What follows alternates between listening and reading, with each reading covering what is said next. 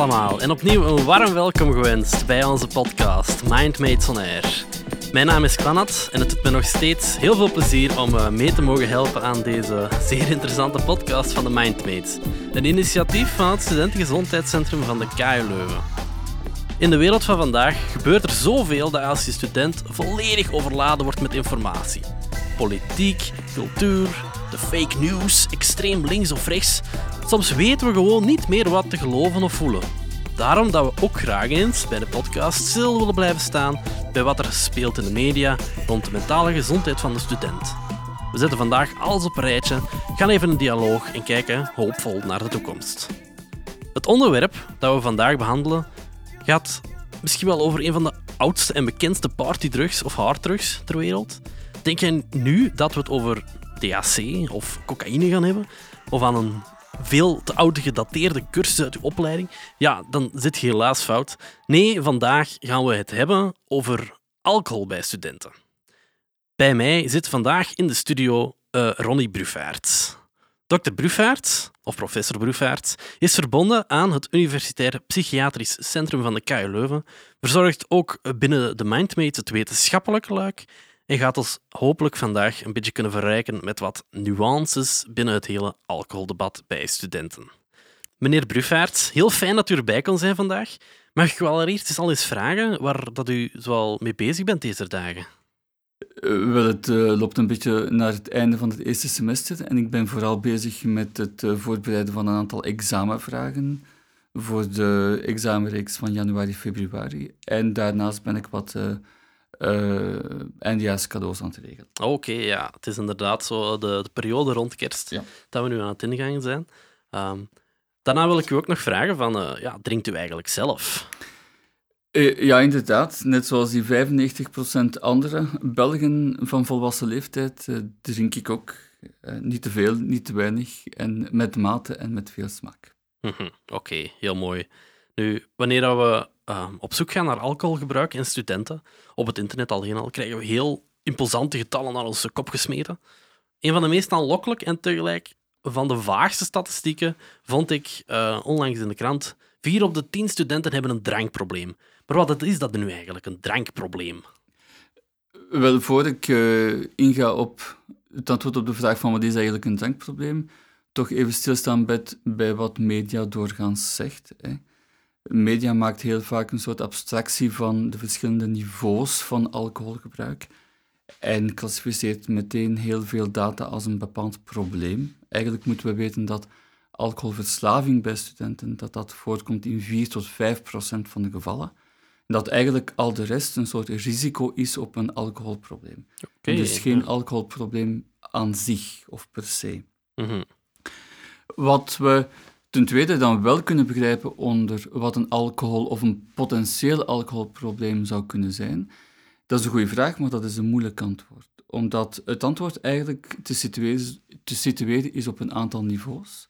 Langs de ene kant speelt in het alcoholprobleem de idee van je moet voldoende alcohol gebruiken, dus frequent alcohol gebruiken.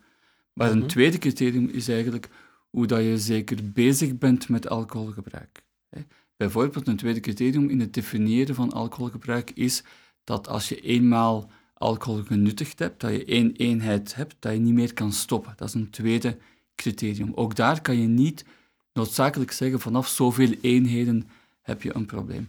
Een derde criterium van een alcoholprobleem is eigenlijk de impact van het alcoholgedrag op het dagelijks leven.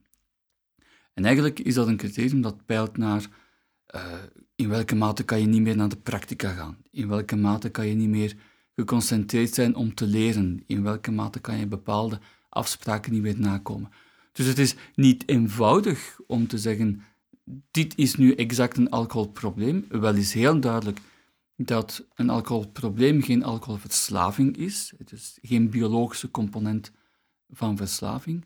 Maar eigenlijk gaat dat over te veel, te snel drinken en een bepaalde impact hebben op het dagelijks leven. Uh, wat zijn dan zo eigenlijk de gevolgen van het onverantwoord omgaan met alcohol? Wel, die gevolgen spelen zich af op een aantal vlakken. Eigenlijk kan je zeggen, Voor jongeren heb je heel vaak een persoonlijk vlak. Mensen die te veel alcohol uh, gaan consumeren, die zullen zich ook heel vaak niet zo goed voelen. Mhm. Niet alleen lichamelijk, maar ook psychisch zullen zij zich niet altijd uh, even fris voelen. Ten tweede zal er ook een omgeving zijn die daar misschien niet op een of die dat niet gaat appreciëren, hè, of die daar een, een bepaalde opmerking zal over maken. Het zijn twee belangrijke aspecten. Het is ook als je echt te veel alcohol consumeert en je doet dat op lange termijn, je doet dat in hoge frequentie, dan ontstaat er ook een soort uh, biologisch effect. Hè. Alcohol bij lage hoeveelheden werkt eigenlijk wat, uh, wat verlagend in termen van angstverlaging. Hè. En mensen gaan vaker uh, contact nemen met elkaar. Ja, ja. En mensen gaan zich wel wat beter voelen. En dat is het eerste effect van alcohol. Ja. Maar als je dus te veel en te lang alcohol consumeert, komt er een zekere tolerantie. Dan ga je eigenlijk meer alcohol nodig hebben om dezelfde effecten te houden. Mhm. Als je dat lang volhoudt, dan ontstaat er een soort biologische afhankelijkheid, waar mensen geen alcohol meer consumeren omwille van de positieve effecten, maar eigenlijk om de negatieve effecten te gaan vermijden. Mhm. Dat is een, een sterk biologisch effect van te veel uh, alcohol te gebruiken.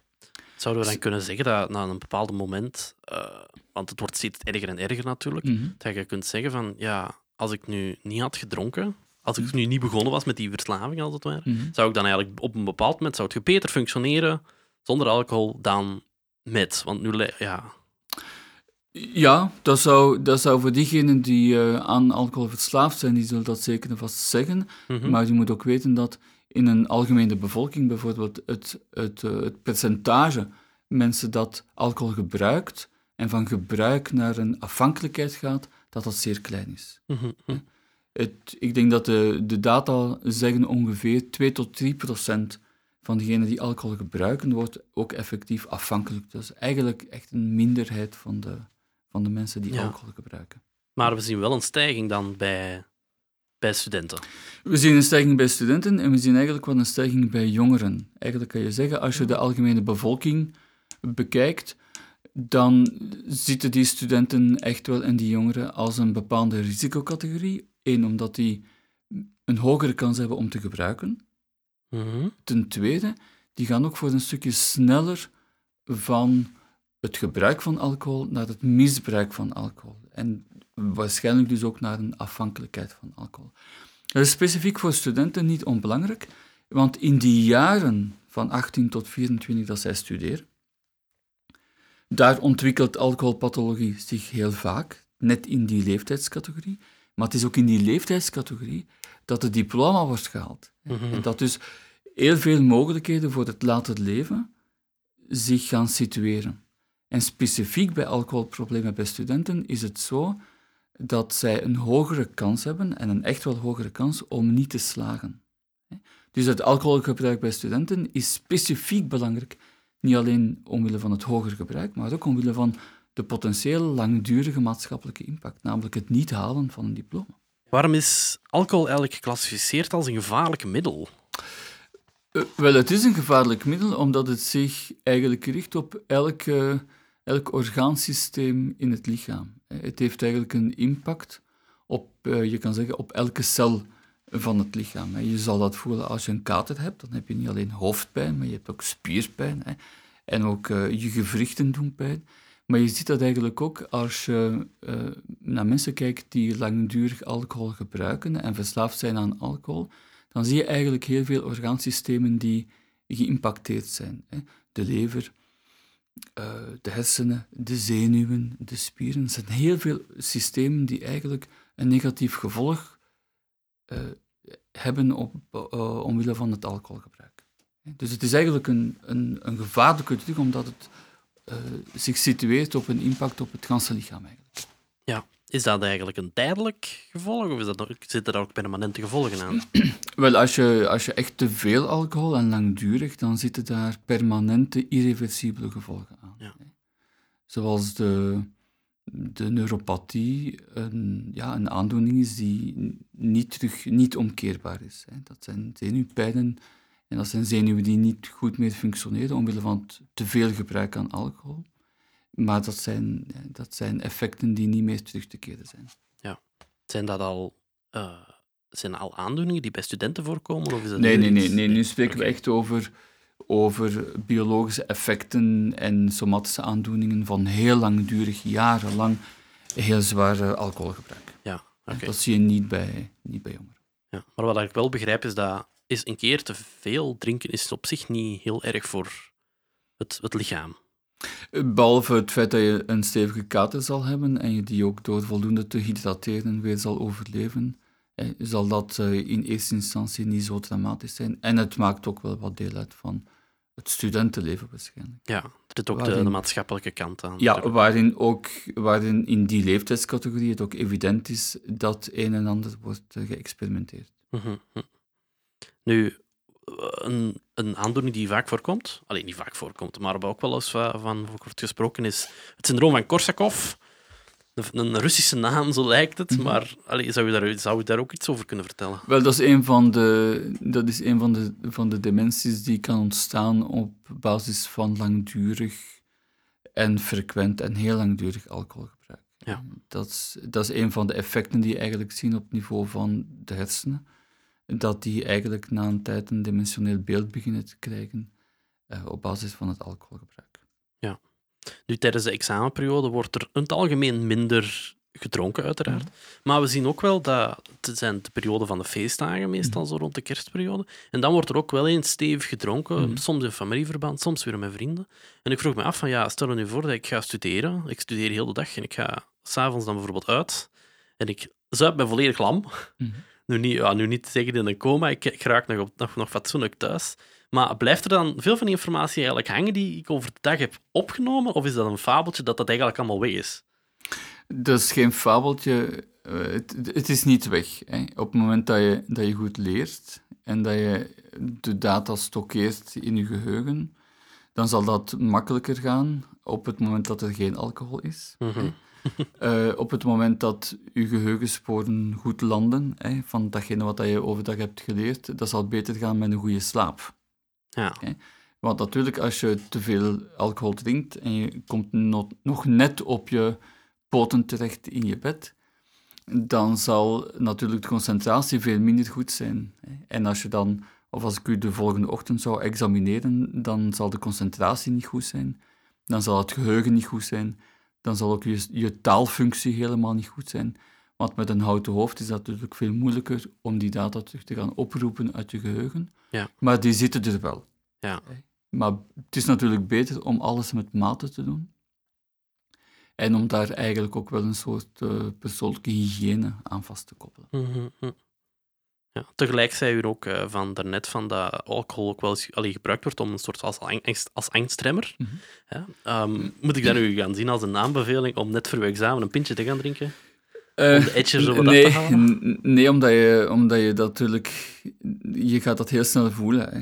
Je gaat heel snel, zelfs bij lage hoeveelheden alcohol, ook, ook, al, ook al zien we dat niet onmiddellijk, je gaat concentratie heel snel naar beneden gaan en gaat de scherpte in aandacht ook wel meteen naar beneden gaan. Ja. Dus de, de scherpte die, en de concentratie die studenten nodig hebben om in hun geheugen te graven naar het antwoord op de vraag, dat zal beter gaan als er geen alcohol wordt geconsumeerd. Oké, ja. Nu, drinkt de student, denkt u, daadwerkelijk meer alcohol als vroeger? Dat is, een, eh, dat is een zeer goede vraag, maar dat is een zeer moeilijk te beantwoorden vraag. Want de systematische onderzoeken naar alcoholgebruik, die bestaan ook nog niet zo lang. We zijn eigenlijk, eh, ik denk op Europees niveau zijn we de eerste groep die systematisch jaar na jaar studenten includeert en vraagt naar emotionele gezondheid en alcohol. Dus het is, niet, het is niet makkelijk om tegelijkertijd te zeggen dat dit nu meer is dan vroeger.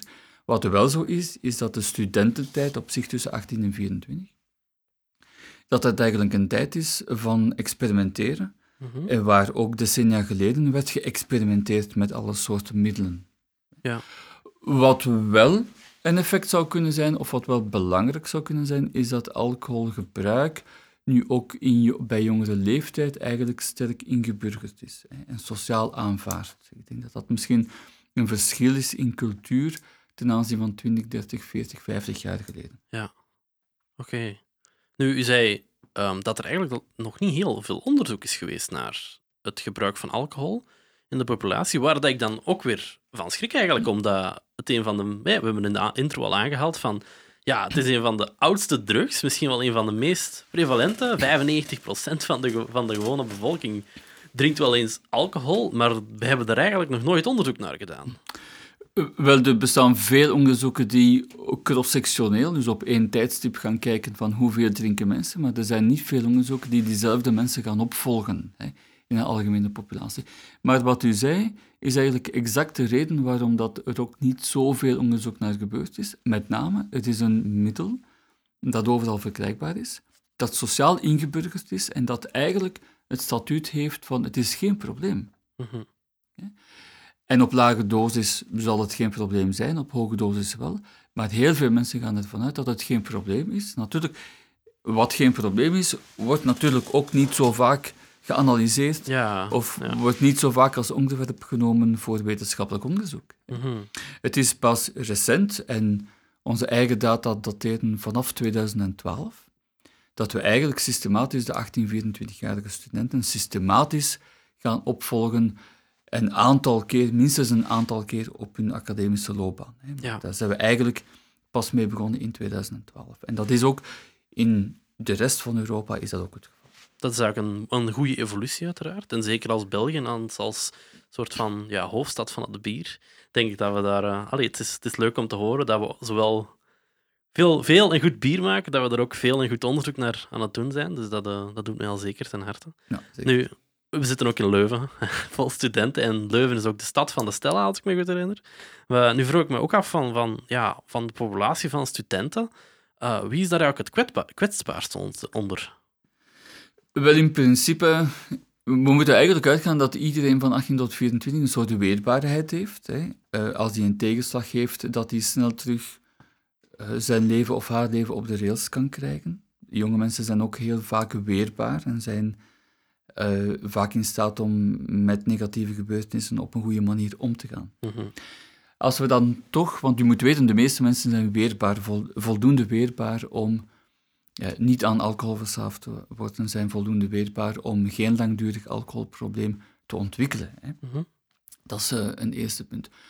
Een tweede punt, als we dan toch kijken naar degenen die niet goed, uh, die niet goed functioneren of die toch kwetsbaar zijn, dat zijn heel vaak de mensen, als we het dan hebben over alcohol, dat zijn de studenten die ouders hebben um, met een alcoholprobleem. Daarvan is uh, voldoende onderzoek gekend dat zegt dat die zelf een probleem, een hogere kans hebben om een alcoholprobleem te gaan ontwikkelen. En een tweede groep mensen is eigenlijk de, de studenten die niet goed sociaal ingebed zijn. Hè, die eigenlijk een, een laag of niet goed sociaal netwerk hebben dat echt steunend werkt voor hen. Ja. Nu zei je van dat uh, de ouders een, toch wel een heel belangrijke impact hebben. En, ik, en uh, allee, als, uh, u mag me daarop verbeteren, maar kunnen we dan zeggen dat eigenlijk alcoholgebruik of, of misbruik, dat dat eigenlijk erfelijk, dat er een erfelijke component in zit?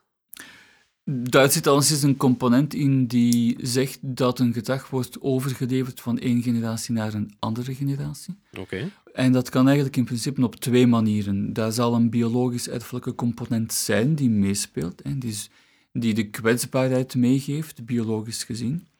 Dat uh, als je ouders een alcoholprobleem hebben, dat je zelf als kind een verhoogde kans hebt op het ontwikkelen van een alcoholprobleem. Dat is een, een eerste punt. Een tweede punt is natuurlijk het leerproces. Kinderen van ouders met een alcoholprobleem die hebben ook vaak geleerd en gezien dat bijvoorbeeld problemen in het gezin eh, dat die werden opgelost uh, met alcohol. Ja. En dat zijn heel sterke leerprocessen die een gans leven lang uh, kunnen blijven duren.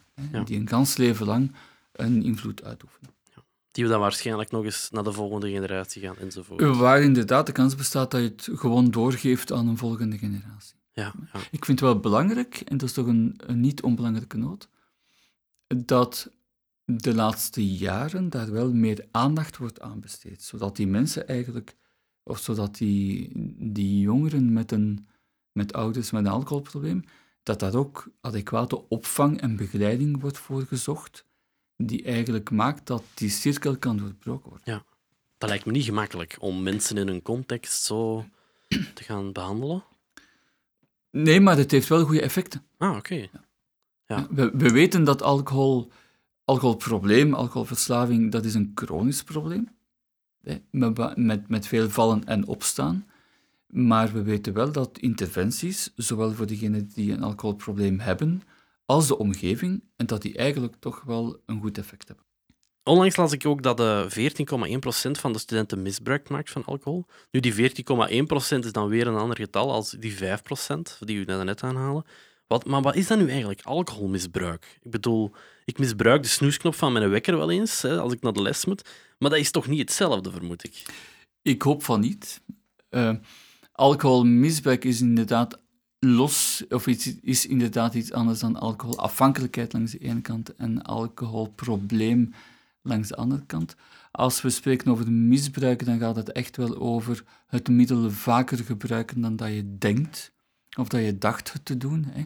En dan, uh, ja, dat kan zich bijvoorbeeld uiten in mensen die dan toch zeggen van ik ga twee eenheden drinken vanavond, maar niet kunnen stoppen. Ja. En dan toch eindigen op zes, acht of tien eenheden. Dat is één, één belangrijk punt in termen van alcoholmisbruik. De impact van alcoholmisbruik moet heel duidelijk aantoonbaar, aantoonbaar zijn. Dat zijn mensen die bijvoorbeeld met de kater in bed blijven liggen en zeggen: Ik heb nu wel een practicum, maar ik raak het niet omwille van mijn alcoholgebruik gisteren. Mhm. En natuurlijk ook bezig zijn met, uh, met het stuk alcohol eh, kan ook wel een teken zijn van, van alcoholmisbruik. Hè. Mensen die daar ook mee bezig zijn, van wat is dat nu? Uh, neem ik het, consumeer ik nu te veel of niet? Hè? Dat, Ja. dat zijn soms vragen die mensen zich stellen. Hè? Van, ik heb gisteren veel alcohol gedronken, maar is dat nu te veel of is dat nu niet te veel? Mhm. Maar opnieuw, we kunnen niet spreken van één vast criterium dat, eh, dat ons in staat stelt om te zeggen: dit is nu alcoholmisbruik Ja. en dit is nu alcoholprobleem. Uh, Ja. Dit is een alcoholprobleem. Dat Hm. is niet te vatten in termen van een eh, van aantal eenheden. Nee, we moeten echt kijken naar het gedrag en de context waar dat, Ja, dat en de context waarin het zich afspeelt. hè. Oké. Nog termen die soms gebruikt worden in de pers zijn bijvoorbeeld binge drinking en coma zuipen. Wat betekenen die termen eigenlijk? Wel, en zeggen ze eigenlijk niet hetzelfde, namelijk dat je gewoon veel gedronken hebt? Ja, het sluit wat aan bij de opmerking over de pers die ik eh, aanvankelijk gaf. Het zijn termen die heel dramatisch klinken. en dat zijn toch eh, ja, termen die ook geen diagnostische waarde hebben. Het is niet zoiets als een diagnostische categorie die coma-zuipen heet. hè. Het gaat inderdaad over te veel drinken, maar het gaat niet alleen over te veel drinken, het gaat ook over te veel drinken op korte termijn. En daarin schuilt eigenlijk een zeker gevaar, denk ik. Eh, op het moment dat er veel wordt gedronken op korte termijn, dan eh, ontstaat er de kans op het ontwikkelen van tolerantie. Hè, dat mensen of jongeren eigenlijk meer nodig hebben, meer shotjes nodig hebben, om hetzelfde effect te hebben op een half uur tijd bijvoorbeeld. Ja, ja. En dat is eigenlijk een teken van biologische tolerantie en dat kan een pad zijn naar een verslaving.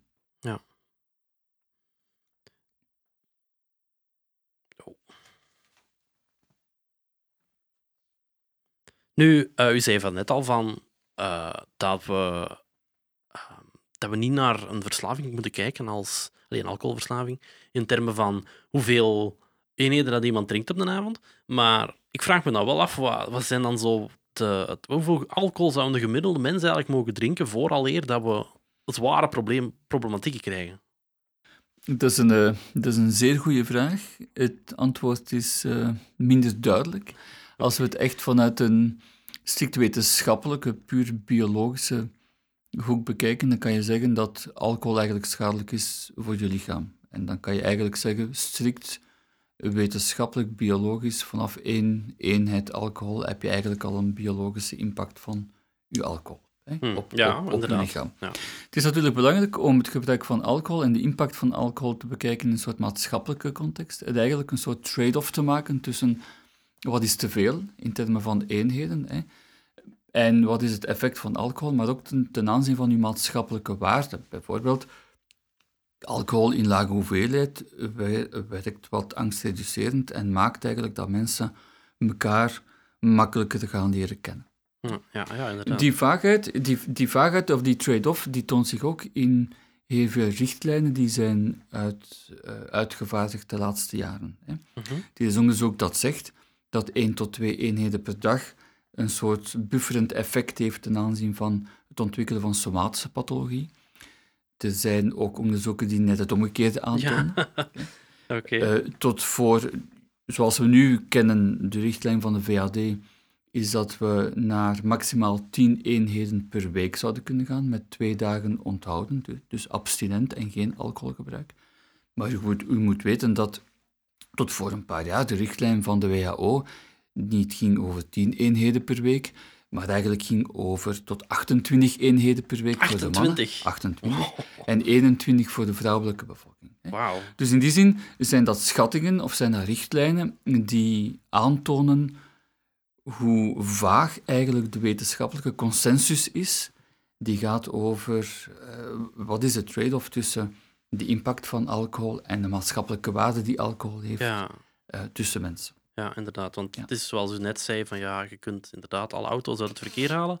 En dan zijn er inderdaad geen, eh, geen problemen meer, maar dan hebben we wel geen auto's meer. Dus Ja. dan, ja, dat is natuurlijk ook niet optimaal. Het, het belangrijkste, als we dan toch moeten gaan uit antwoord op uw vraag, daar is toch enige richtlijn te geven. Dat is, het moet niet te veel zijn. Mhm. En als we dan, eh, als we één criterium hebben, het moet niet te veel zijn, dan moeten we ook kijken in welke mate dat het impact heeft op mensen. Hè. Ja. Terug opnieuw die drie Ja. criteria. Het moet niet te veel zijn. Het, het gebeurt best met mate en vanuit een, een functie van plezier en niet zozeer vanuit een functie van het vermijden van iets negatiefs. Ja. Dat zijn weinig duidelijke criteria, maar dat zijn toch wel de criteria waar we rekening moeten mee houden. Nu, een hele tijd geleden eh, was het mij opgevallen in de, in, de, in de krant dat er een wetsvoorstel kwam. Alleen een wetsvoorstel, er was wat geroezemoes, om het zo te zeggen, over het verband van het, eh, het verschuiven van de eh, leeftijd waarop dat alcohol genuttigd mag worden. Momenteel staat hij op 16 jaar. Er zijn kampen die roepen van dit moet 14 jaar worden, zodat we dat beter kunnen ja, in het oog houden. En anderen zeggen van ja, het moet naar boven, het moet naar 18 jaar, omdat het nog duidelijk is dat er invloed heeft op 16-jarigen. Wat heeft u daar zelf een mening over? Wel, dat is een zeer complexe zaak. Eh, wat wel belangrijk is, is, een, is de, de bezorgdheid dat alcohol eigenlijk steeds vroeger zou worden eh, genuttigd en geconsumeerd voor de eerste keer. Hè? Want zoals ik daarnet zei, alcohol heeft een, een invloed op de hersenen, maar heeft ook een invloed op de ontwikkeling en uitrijping van ons zenuwstelsel en van, het, van onze hersenen. Mhm. Dus we moeten eh, zien dat alcohol daar geen impact op heeft. Want dat is natuurlijk een, ja. een lange termijn biologisch, eh, een biologisch gevolg. Ja.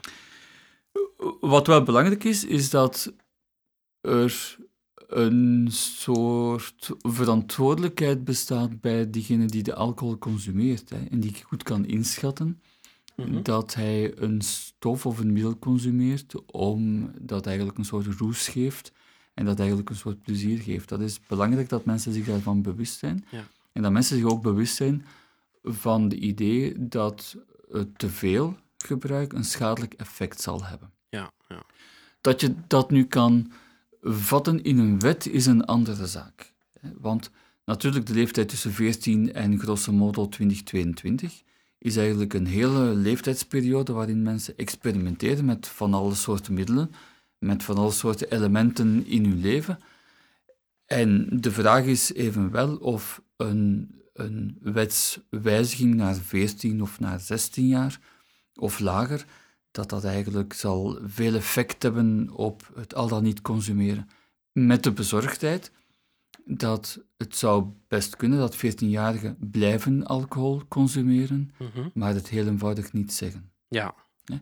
Dus voldoende onderzoek dat aangetoond heeft dat het louter verlagen van een, eh, van een grens, van een leeftijdsgrens, eigenlijk op lange, lange termijn niet al te veel impact heeft. Je moet dat eigenlijk doen met een, een heel uitgebreid pakket van eh, verantwoordelijk gebruik, van mensen informatie Mhm. geven, zodat mensen eigenlijk weten wat alcoholgebruik betekent en dat, dat ze daar ook de effecten van kunnen inzien. Ja, ja, ja. Maar het louter, het enkel verlagen van een wet, heeft eigenlijk geen duurzaam effect. Nee. Stel dat ik nu na al deze informatie nu toch uh, begin in te zien dat ik te veel drink en ik zou hier graag mee willen stoppen. Ja, hoe, hoe doe ik dat dan? Waar moet ik dan beginnen? Wel, uh, ik kan u volgende week wel op een intake zien. dat is één mogelijkheid. Misschien is, dat niet, uh, misschien is dat niet de meest evidente. Maar in regel is het zo dat met een gesprek bij de huisarts eigenlijk een eerste stap gezet is. Je moet weten dat veel, vele mensen die denken dat ze een probleem hebben met alcohol, en dan spreek ik nog niet over verslaving, maar twijfelen of er een probleem zou zijn met alcohol, eigenlijk niet de stap durven te zetten naar een hulpverlener. Oké. En eigenlijk is dat de eerste stap die kan gezet worden naar een huisarts. Die huisarts is voldoende geëquipeerd om eigenlijk op een goede gesprekswijze om te gaan met mhm. patiënten die twijfelen over hun alcoholgebruik. Ja. Die huisarts die kan dat zelf behandelen bij, uh, in de huisartsenpraktijk of die kan een doorverwijzing maken naar bijvoorbeeld een psycholoog of een psychiater. Maar die is voldoende geëquipeerd om dat eigenlijk zelf uh, te gaan behandelen. Ja, de arts is eigenlijk zo wat de ingangspoort van de gezondheidszorg, om maar te zeggen. Ja, en als, We, als we kijken naar data, data tonen dat ook heel goed aan. En tonen aan dat 75 tot 80 procent van de mensen met een alcoholprobleem eerst langs de huisarts stapt. Ah, ja. ja dus die huisarts is echt wel een eerste ingangspoort voor mensen met een alcoholprobleem. Mhm. Dus als je een been breekt, ga naar de arts. Maar ook als je niet meer kunt stoppen met drinken of je denkt je hebt een probleem. Ja, of, ja, ja. of zelfs als je twijfelt over je alcoholgebruik. Je moet zelfs niet zeker zijn van je alcoholgebruik. Mhm. Een gesprek met de arts zal eigenlijk wel meer duidelijkheid geven over je twijfel. Ja, oké. Nu, uh, we hebben ook uh, eens een keer gevraagd op het internet van... Uh, of welke vragen zou... Allee, welke, welke informatie zouden de, de, de, luisteraars graag willen weten over u? En een vraag die ik wel interessant vond was... meneer Bruffaert, was het vroeger daadwerkelijk beter? Wel, je hoort dat wel eens. Hè. Vroeger was het allemaal beter, maar ik twijfel daar toch uh, aan. Ik denk dat we de laatste, als, we, als ik het vergelijk met, uh, met mijn jonge leeftijd, hè, dan denk ik dat we veel meer openheid hebben om over veel dingen te praten. Veel meer openheid hebben om over dingen te discussiëren. Mm En dat we daardoor eigenlijk ook een soort taboe wegnemen bij jonge mensen. Ja. Als we weten, en het gaat niet alleen over alcohol in het algemeen, maar dat gaat ook over de emotionele gezondheid. Als we weten dat we nu bij jongeren een heel groot draagvlak hebben gecreëerd om te kunnen spreken over emotionele gezondheid, dan denk ik, dit is beter dan vroeger. Mm Bovendien hebben we voldoende faciliteiten, veel meer faciliteiten dan vroeger. Kijk maar naar Mindmates, waarin eigenlijk uh, studenten die, of leeftijdsgenoten van studenten die een probleem hebben of twijfelen rond emotie, dat die eigenlijk toch een, uh, een vraag kunnen stellen en daar een adequaat antwoord op kunnen krijgen. Ja, oké. Ik denk dat ook een heel mooie take-out is van, uh, van, van het interview. Uh, ik wil u in ieder geval al heel hartelijk bedanken. En uh, ook uh, de luisteraar om alweer te luisteren naar een aflevering van de Mindmates on Air.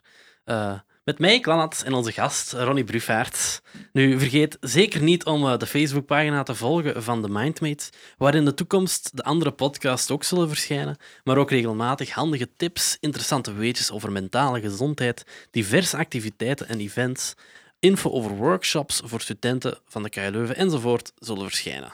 Nu, we hebben ook een website, www.mindmates.be, waar je je eigen mentale gezondheid kan meten. Heel veel informatie kan vinden over mentale gezondheid, dus ook over alcohol.